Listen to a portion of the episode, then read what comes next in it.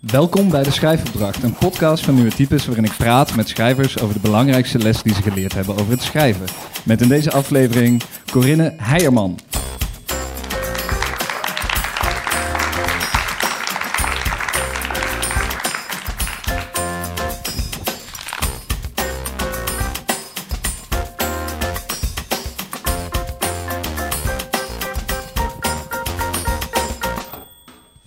Ja, het is echt een gigantische bank.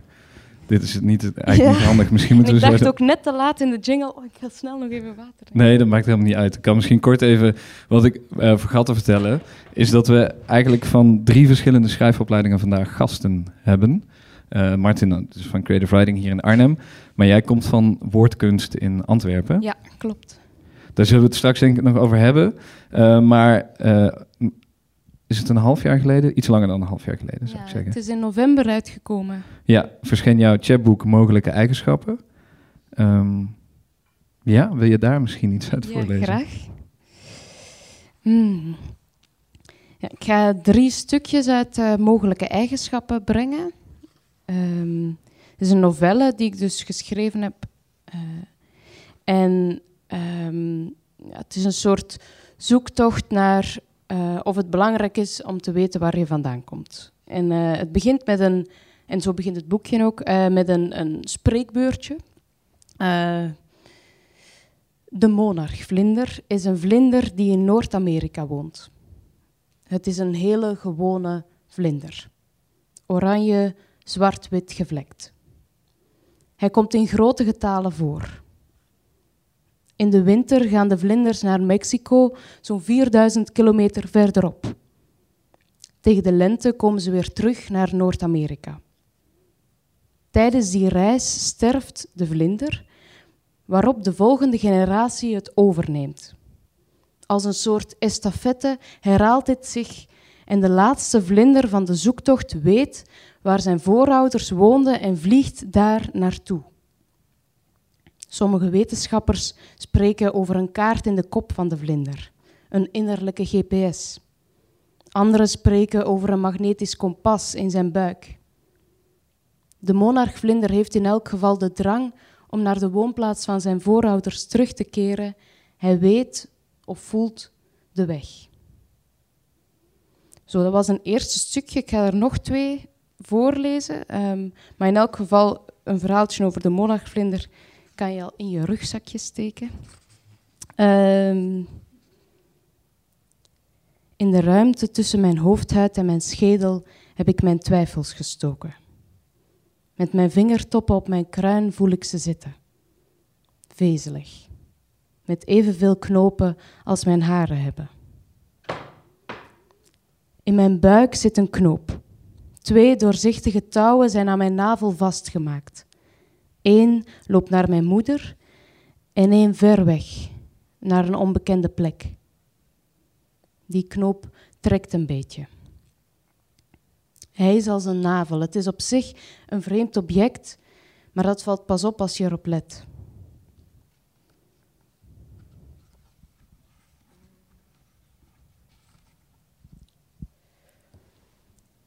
Voor een opdracht aan de toneelschool moeten het meisje en haar klasgenoten de persoon die ze het allerliefst zouden willen interviewen kiezen. Deze persoon moet ze dan voor een publiek interviewen. Het meisje kiest haar spermadonor. Via een organisatie voor donorkinderen vindt ze een man die tussen 1980 en 1993 in hetzelfde ziekenhuis waar het meisje vandaan komt gedoneerd heeft en nodigt hem uit voor het examen. Jan Peters heet hij, wat ze best een anonieme naam vindt. Het meisje doet met opzet geen voorgesprek, zodat ze elkaar op het podium pas leren kennen. Voordat ze aan de beurt is, interviewt een klasgenoot de moeder van Brian de Mulder, een blanke geradicaliseerde jongen die naar Syrië trok om er te gaan strijden.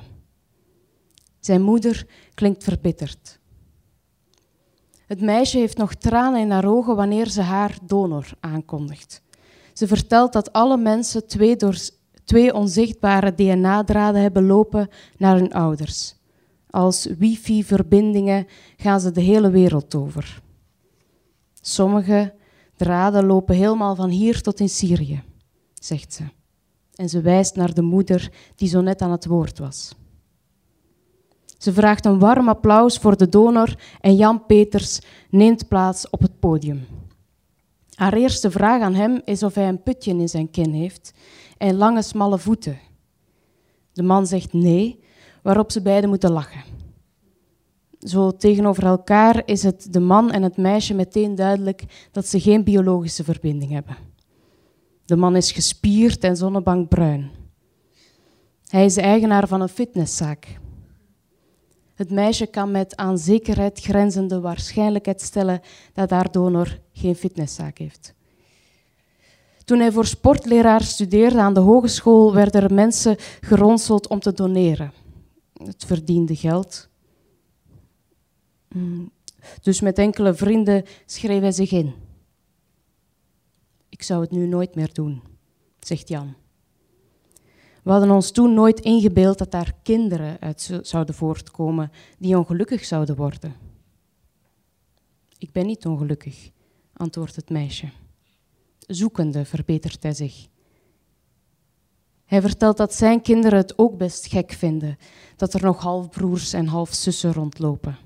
Wij praten er niet zoveel over, zegt hij. Als laatste vraagt het meisje waarom hij haar mail had beantwoord met ik kom, want aan een donorkind kan ik niets weigeren. Voel jij je schuldig? vraagt ze. Ja, antwoordt Jan. Ik voel mij best schuldig tegenover donorkinderen. Je hebt hen toch een leven gegeven? vraagt het meisje. Een vol twijfels, antwoordt Jan. Zo, dat waren de stukjes.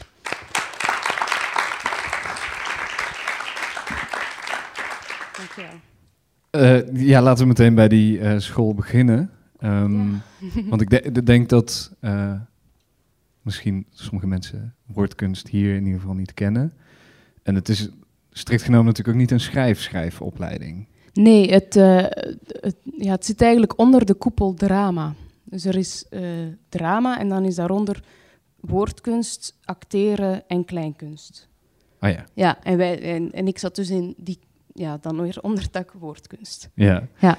En uh, we hebben nu één opdracht uh, uh, beschreven horen worden. Ja, klopt. Hoe, ja. hoe ziet zo'n curriculum eruit? Kun je daar iets over vertellen? Ja, dus je hebt dus, hè, dus drama en woordkunst. En dan heb je nog eens drie pijlers. en dat is schrijven, media en podium. En zo ziet de opleiding er eigenlijk ook uit. Dus er is een derde waarin we schrijven, een derde podium waarin we teksten brengen en, en ook van anderen en zo. Uh, en dan media, wat interviewen uh, ja, en montages maken, zowel in film als in geluid. Ah ja. Ja. En dus dit eindexamen, dat was ook het eindexamen van interviewen. Ja. ja. En dat valt dan onder media natuurlijk. Ja, ja, ja. ja klopt. En jij bent ook afgestudeerd met een voorstelling. Ja, ik ben met een, um, een beeldende collagevoorstelling afgestudeerd. Okay. Ja. Misschien moet je dat wat verder uitleggen. Ja, ja dat was eigenlijk gek, want ik, ik wilde... Eigenlijk ben ik woordkunst gaan doen omdat ik heel graag uh, dramatherapeute wilde worden. Uh, maar ik wilde niet voor dramatherapeuten studeren, want dat kon in België ook helemaal niet. En... Um, ja, en ik merkte ook wel dat ik gewoon drama heel leuk vond, maar ik denk dat ik niet goed durfde om echt te zeggen, ik wil drama gaan studeren. Uh, dus ik wilde dan drama... En ik wilde ook wel mensen helpen. Dat was eigenlijk mijn, ja, dat was eigenlijk mijn nummer één. Ik wilde mensen helpen. Dus daarom wilde ik geen drama gaan doen, want dan zou ik geen mensen helpen. Uh, dus dacht ik... Maar toen had ik dan een hele constructie. dacht ik, ik ga eerst woordkunst doen en dan ga ik daarna therapie doen. En dan combineer ik het wel. Um, en zo is het dan gekomen dat ik... Ik was dat heel dat plan vergeten, vier jaar lang. Uh, omdat we dan zo met, met, ja, met mediapodium en schrijven bezig waren, met onszelf. En toen dacht ik, um, ik ga dat plan terug oppakken en ik ga naar de wijk waar ik geboren ben. Dat is een sociale woonwijk, Luchtbal, naast uh, Antwerpen. Allemaal paalwoningen, heel uh, cultureel in, erin, maar heel accultureel van buiten. En daar heb ik toen een voorstelling gemaakt met mensen uit de buurt over afkomst. Eigenlijk een beetje dit, maar dan over die mensen. Dan, uh, wat, wat, is afkomst voor u? En ehm, ja, het grappige was, ik kwam dus vanuit woordkunst. Hè. Ik was heel veel met woorden bezig. Maar die mensen spraken geen Nederlands. Ehm, dus we moesten alles verbeelden. Uh, en dat heeft mij echt veel geleerd om, om een gevoel of iets wat ik wilde vertellen in een beeld om te zetten. Uh, ja, en zo was er bijvoorbeeld een scène waarin die mensen dan met um, zo van die satellieten die zo aan, de, aan zo van die woningen zo ja. hangen. Hè? Uh, waar ze, die ze dan op hun rug droegen en zo, zo aan het zoeken waren naar hun, uh, hun oorsprong of zo. Ja. Ah ja. En heeft dat je schrijven dan veranderd? Ja, ik denk wel dat ik beeldender ben gaan schrijven ook. Dat ik meer snap, daardoor heb gesnapt van, oh ja, je kunt eigenlijk door één ding uh, voorop te stellen en te zeggen, kijk hier eens naar, ook in schrijven, hè, uh, en een metafoor te gebruiken of zo, zo, zoveel uitleggen. Ja, maar je moet gewoon lang zoeken naar het juiste beeld, denk ik. Dat is ook wel een lijn die uh, in, in mogelijke eigenschappen natuurlijk, of in ieder geval een werkwijze in mogelijke eigenschappen, een van de onderdelen is dat jij heel erg met anderen bent gaan praten en bent gaan, ja, eigenlijk je onderzoek voor het boek. Dus het boek zelf kan denk ik als een soort onderzoek gezien worden. Maar uh, je onderzoek voor het boek was ook met mensen samen. Ja, klopt. Ik heb zowel voor toen ik het aan het schrijven was, heb ik met heel veel mensen ga, gaan spreken. Uh, maar ook mensen, ja, hele gelovige mensen of zo. Wat is waarheidsvinding voor jou? Hè? Want eigenlijk is ook een beetje waarheidsvinden. Wie is je vader? Als, je, als dat een anonieme spermadonor is, is dat ook een beetje God zoeken. Uh, dus ik ben, met hele gelovige mensen. Um, ik ben met heel veel verschillende mensen gaan spreken daarover. Ook wel echt met uh, bijvoorbeeld de eerste arts die uh, die inseminatie deed en zo. Ja. En dan daarnaast ben ik, toen het, eigenlijk was het boekje toen al af, toen ben ik hier mijn residentie komen doen. Hè. Ja, hier in Theater aan de Rijn. Ja, allee, niet in Theater aan de Rijn. Ik zat eigenlijk op een mini-tribune voor tien personen. Die staat ook aan de inkom. Die heb je misschien zien staan. Uh, maar die stond toen bij een bouwplaats, hier een beetje verder in Arnhem. En daar heb ik verschillende mensen uitgenodigd om het over maakbaarheid te hebben, in het algemeen. Uh, dat was een sterrenkundige en een geneticus ook. En uh, een architect en... Oei. Oh ja, een theoloog. Ja. Ook die godsdienst dan. Ja. Ja. Het is natuurlijk. Um, research is wat je uh, heel veel schrijvers soort zeggen. Ik doe research. In jouw geval is dat heel veel praten uh, met mensen. Hoe verwerk je dat vervolgens? Dus misschien niet het laatste gedeelte is natuurlijk na je boek, maar al die, die gesprekken met die arts en met de hele gelovige. Ja, ik ben eigenlijk. Ik, ik vind het heel leuk om altijd iets te laten vertrekken vanuit de werkelijkheid. En dat was, dit was eigenlijk voor het eerst vanuit mijn eigen werkelijkheid ook een beetje. Ja. Um, en mij daardoor te laten sturen. Uh, dus bijvoorbeeld wat ik had gemerkt bij mijn eindvoorstelling, dat ik er afkom van ik ben de schrijver of de maker en ik wil hier een voorstelling komen maken en dat zij zeggen ja, wij kunnen geen Nederlands en dat je gestuurd wordt naar een richting. En dat is, dat is hier ook wel zo. Ik, ik heb dat echt nodig om op heel veel plekken. Uh, en ik las dan ook al vaak stukjes voor van, van wat ik al had geschreven of zo, om dat dan te laten sturen door, door de werkelijkheid. En langs de andere kant, mm, ja, vervorm ik hem zelf ook een beetje. Want ja, dat interviewexamen is niet helemaal zo gelopen. Of, of niet, niet alles is echt. Het is niet echt. Maar de informatie die je ophaalt, komt die nog in het boek terecht? Ja, ja, ja. Zeker, ze worden ook personages vaak. Ah, ja. Niet allemaal, maar wel sommige. Ja. Er is ook iemand die ik eigenlijk wilde spreken, waar ik dan in het boek doe alsof ik haar heb gesproken, maar ik heb dat hele interview verzonnen.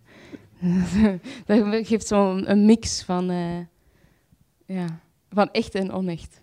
Ja, dus het is een makerschap eigenlijk dat heel erg verbonden is steeds met anderen. Dus um, ik vind dat interessant, want ik, heb, eh, ik uh, ken wel meer teksten van jou. Uh, maar er zijn ook teksten die volgens mij helemaal uit jouzelf komen en die je dan gewoon maakt. Maar het lijkt alsof jij het lekkerst werkt als je dus met anderen werkt ook. Ja, ik, ik wil ook altijd heel veel perspectieven in één werk eh, bundelen. Ik denk, ik denk altijd dat als ik alleen mijn eigen perspectief laat zien, dan is dat niet zo interessant, denk ik dan. Uh, dus dan, dan, bijvoorbeeld hier heb ik het dan over die afkomst, maar dan wil ik van andere mensen ook weten hoe gaat jij daarmee om. En dat verwerk ik er dan ook in. Misschien omdat ik wil dat er zoveel mogelijk mensen iets aan hebben. En dan, dat ze dan uh, ja, misschien meer iets aan die gelovige persoon hebben of meer. Ja, dat is het misschien dan dus de dramatherapeut eh, in jou die nog ergens zit. Heeft het effect op jou gehad, dat schrijven van het boek? In die zin? Ik wil, niet het schrijven is therapie, maar... Nee, nee. Eigenlijk niet zo. Ik ben wel achter iets gekomen als schrijvende of zo. Ehm, en dan bedoel ik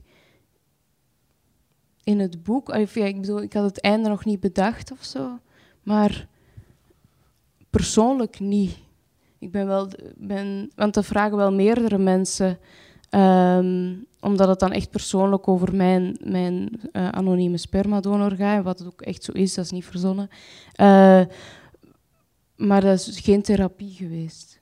En ik denk dat ik ook wel een beetje van dat dramatherapie-idee wel af ben gestapt. Ik wil geen mensen meer helpen met mijn werk. En wat is er voor in de plaats gekomen dan? Ja, ik wil wel veel mensen... Ik ben wel nog steeds zo dat ik wel wil zeggen van... Kijk eens hier naar of kijk eens hier naar. Maar ik ga mij daarna niet meer bemoeien met, met uw ziel of, uh, of welke... Ik, ik wil niemand vervormen. Ja. Je zei dat het boek eigenlijk gaat over uh, of het belangrijk is om te weten waar je vandaan komt. En ik denk, ik was benieuwd of dat in, in bredere context ook geldt voor jou als schrijver. Is het belangrijk voor een schrijver om te weten waar die vandaan komt? Bedoel je dan van, van mijn opleiding? Of, uh... Alles. Welke. Uh... Ja, misschien die, dat hele persoonlijke, dat hebben we volgens mij nu wel gehad. Maar. Ja. Uh, nou, ik kan het wel misschien toelichten met een voorbeeld. Ik, mm um, ik geef in het derde jaar een opdracht waarbij ik studenten vraag om een elftal op te stellen van hun favoriete kunstenaars, inclusief zichzelf. Dus er moeten tien kunstenaars mm. bij. En wat ik heel vaak terugkrijg van, uh, van studenten is dat ze zich daardoor heel erg in een context gaan zien en veel zekerder voelen over wat ze maken of zo. En ook veel meer richting krijgen. Terwijl het eigenlijk een hele banale kleine opdracht is, maar dat het gesprek dat daarop volgt en zo uh, belangrijk voor ze is. Uh, maar ik ken ook er zitten er ook altijd tussen die dat totaal niet interesseert. En ik ben eigenlijk gewoon benieuwd naar welk type jij bent. Ja. Ik ben nu heel veel dingen aan, aan denken. Want langs één kant, waar ik vandaan kom, dan moet ik wel aan woordkunst denken. Dat blijft voor mij nog steeds heel belangrijk. Ik denk nog heel vaak aan de lessen die ik daar heb gekregen. Wel gelukkig met nu een vrijheid, hè, dat je daar niet meer zit en niet meer aan, naar alles moet luisteren. Uh, maar uh, zijn wel vaak dat ja, ons werd heel hard op die voordracht uh, gewerkt. En ik denk, we moesten krijgen en niet geven. We moesten onze tekst krijgen en zo doorspelen, in plaats van te geven, geven, geven. En dat is wel nog vaak dat ik even denk, oh ja, dus in die zin, en ook wel met iedereen die dat daar heeft gezeten, voelt je ook wel een connectie. Wat mij in het nu, het, het, uh, de, de wereld, de literaire wereld of zo nu ook wel zoiets geeft van, oh ja, die zijn, staan achter mij of zo. Of die, die, nee, niet achter mij, die zijn met mij. Um, ja, en ik val zeker op, ik zou zo'n elftal wel graag willen maken eigenlijk. Ik vind dat wel een goed idee, dat is al een schrijfopdracht ik wel wil meenemen.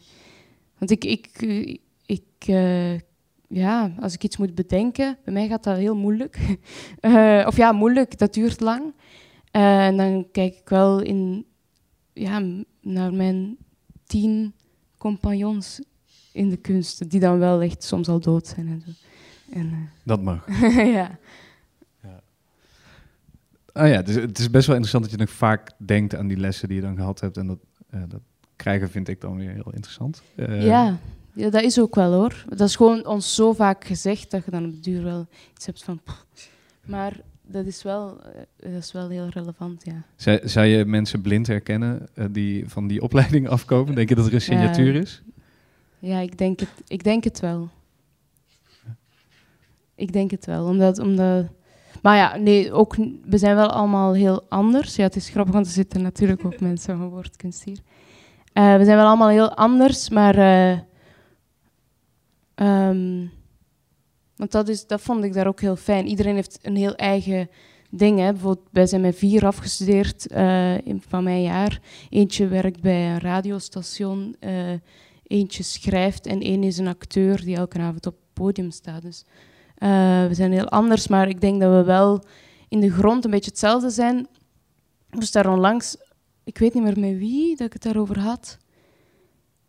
Um, ik weet het niet meer, maar ik, moest, ik dacht ineens, misschien is de gemene deler wel dat wij allemaal niet. Um, dus Lucas was onze hoofddocent podium. En ik denk dat stiekem de keuze wel een beetje door hem werd gemaakt, wie dat er toegelaten was of niet. Dat was trouwens in woordkunst wel een groot ding, uh, toegelaten worden of niet. Um, en ik denk dat dat uh, vaak een beetje de verlegen mensen waren, of de mensen die niet per se het grootste woord moesten voeren uh, op een podium. Ik heb ooit met, met ja, nu, ik ga niet te lang niet meer praten hoor. Ga gerust door. Ja, oké. Okay. Ik heb ooit met Lucas, dus die hoofddocent, heb ik mee in, in een van zijn voorstellingen heb ik hem geholpen. Um, en dat was een voorstelling met kinderen en ouderen. En die kinderen ja, het was een toneelvoorstelling, dus er werden bij de audities heel veel kind, kindsterretjes naar voren gestuurd door de ouders, de trotse ouders. En uh, die werden allemaal niet gekozen. Het waren zo allemaal die hele verlegen meisjes die zo met snottebellen stonden, die, die werden dan gekozen. En toen dacht ik, oh ja, dat is misschien de gemene deler. dat is een beetje gemeen ook wel. Ja, ik vind dit heel, dit is heel interessant dat je eigenlijk de introverte mensen op een podium gaat zetten. Ja, en ik denk dat die ook, want bij ons was de, de ja, het zijn nu allemaal van die flashbacks van die, die tekst, maar de, de tekst was het personage. Dus, dus wij waren geen personage, maar de tekst. Ja. Uh, dus als je dat kunt zeggen, de, de tekst is mijn personage, dan moet je al best wel een stapje opzij kunnen zetten, denk ik. Ja. En die, uh, er ligt een grote nadruk op performance. Dat is een laatste vraag voordat we naar vragen uit de zaal gaan. Um, dus dan kunnen jullie vast voorbereiden om een vraag te verzinnen. Ja, dat is wel goed, want anders word je zo overrompeld. Ja. Uh, zie, zie jij, zeg maar, dat performen is heel wat anders dan dat schrijven natuurlijk. Um, ik denk ook met, met mogelijke eigenschappen heb je voor het eerst natuurlijk zo'n groot werk gemaakt. Uh, maar is er een overlap tussen... Zijn er regels of lessen die je geleerd hebt die specifiek voor podium zijn die je kunt toepassen op schrijven? Ik denk ik sowieso wel. Ik, ik praat ook vaak als ik schrijf, dus ik ben ook wel. Ik, ik hou van ritmiek in een tekst, dus ik, ik probeer dat wel. Uh, maar ja, dat vroeg je niet, hè, lessen. Ik probeer er van onderuit te fietsen. Um, ik denk dat het allemaal wel heel erg aan, el aan elkaar hangt. Um, maar ik probeer dat heel erg te combineren ook wel. Um, bijvoorbeeld dat ik bij mijn, bij mijn novelle dan ook een performance maakte. Uh, en dan ook het leuk vind om een kostuum aan te trekken. Dat is ook nog niet, al, niet echt die les, hè? Nee, maar dit is, je mag natuurlijk antwoorden wat je wil. Wat wil. Mm. Ja, ik weet niet per se wat voor lessen. Maar ik denk wel dat dat krijgen, dat je eigenlijk, ja, dat je niet dat krijgen, dat dat ook wel in, in die teksten komt. Dat je, ook, dat je het ook een beetje voor jezelf moet schrijven en zelf goed moet kijken naar wat je hebt geschreven voordat je het aan je publiek geeft. Ja. Ja, dat is eigenlijk een soort houding meer nog dan, ja, een, misschien dan een wel, les ja. misschien. Ja. ja. Ja, dus dat je niet moet pleasen aan je publiek, dus allemaal voor het publiek, dat je er eens even over moet nadenken. nee, dat is mooi. Misschien krijgen we wel iets van ons publiek nu.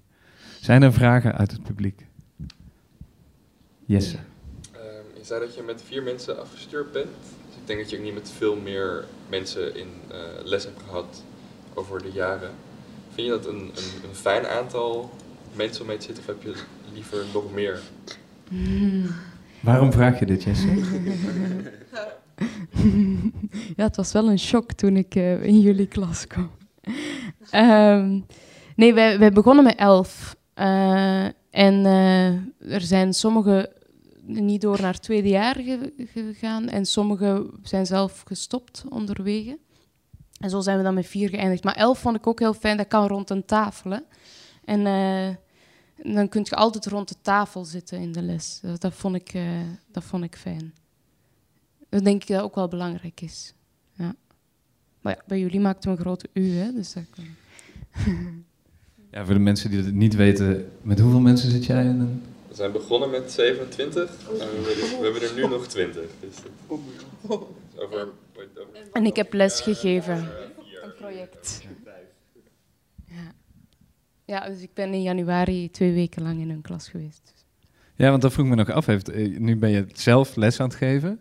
Verandert dat nog iets in hoe je schrijft? Of hoe je denkt over schrijven?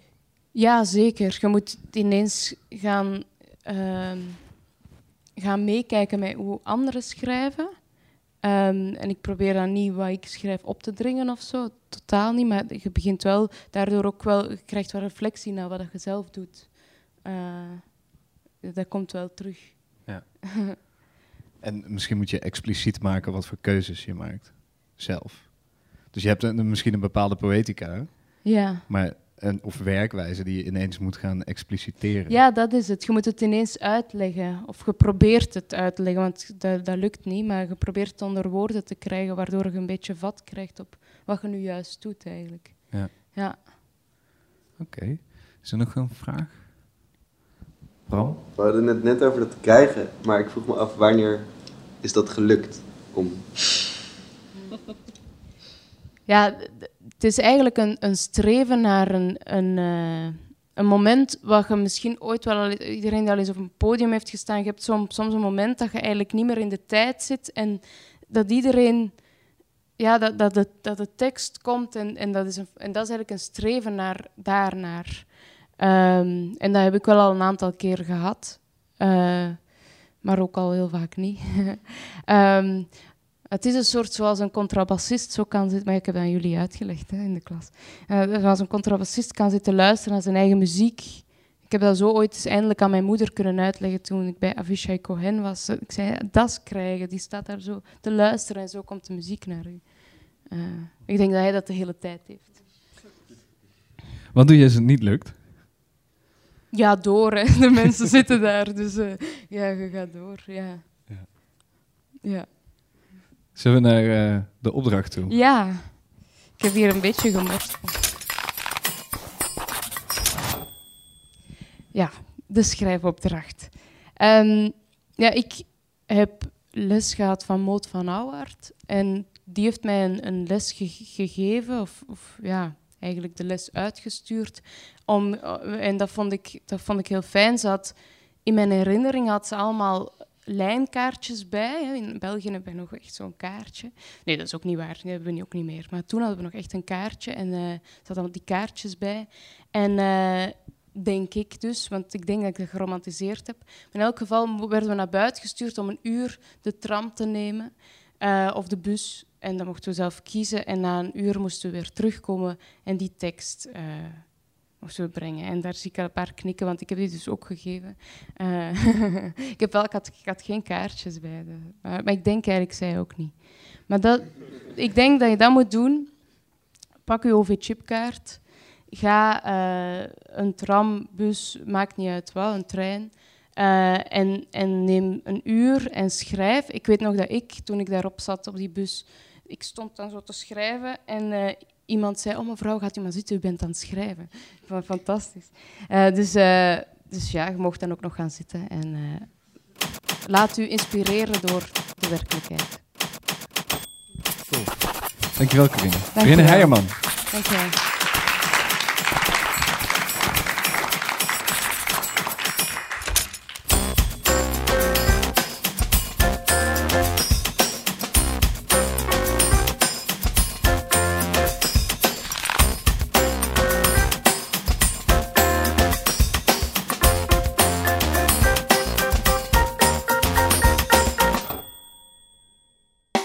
Dit was aflevering 5 van de Schrijfopdracht. met Corinne Heijerman. De schrijfopdracht wordt geproduceerd door Ondercast voor het Nieuwe Types Festival. Deze aflevering werd live opgenomen tijdens dat festival in Theater aan de Rijn in Arnhem. Het programma werd gemaakt door Elke de Catus en de productie was in handen van Curijn Lokker en Anne Hemmer. Veel dank aan hen. Voor meer informatie kijk op nieuwetypes.nl. Vond je deze podcast tof? Laat dan een recensie achter. Of een hartje, sterren, of wat het dan ook is in de app waarin je dit luistert. In ieder geval, laat het anderen weten. Mijn naam is Dennis Gaans. Bedankt voor het luisteren.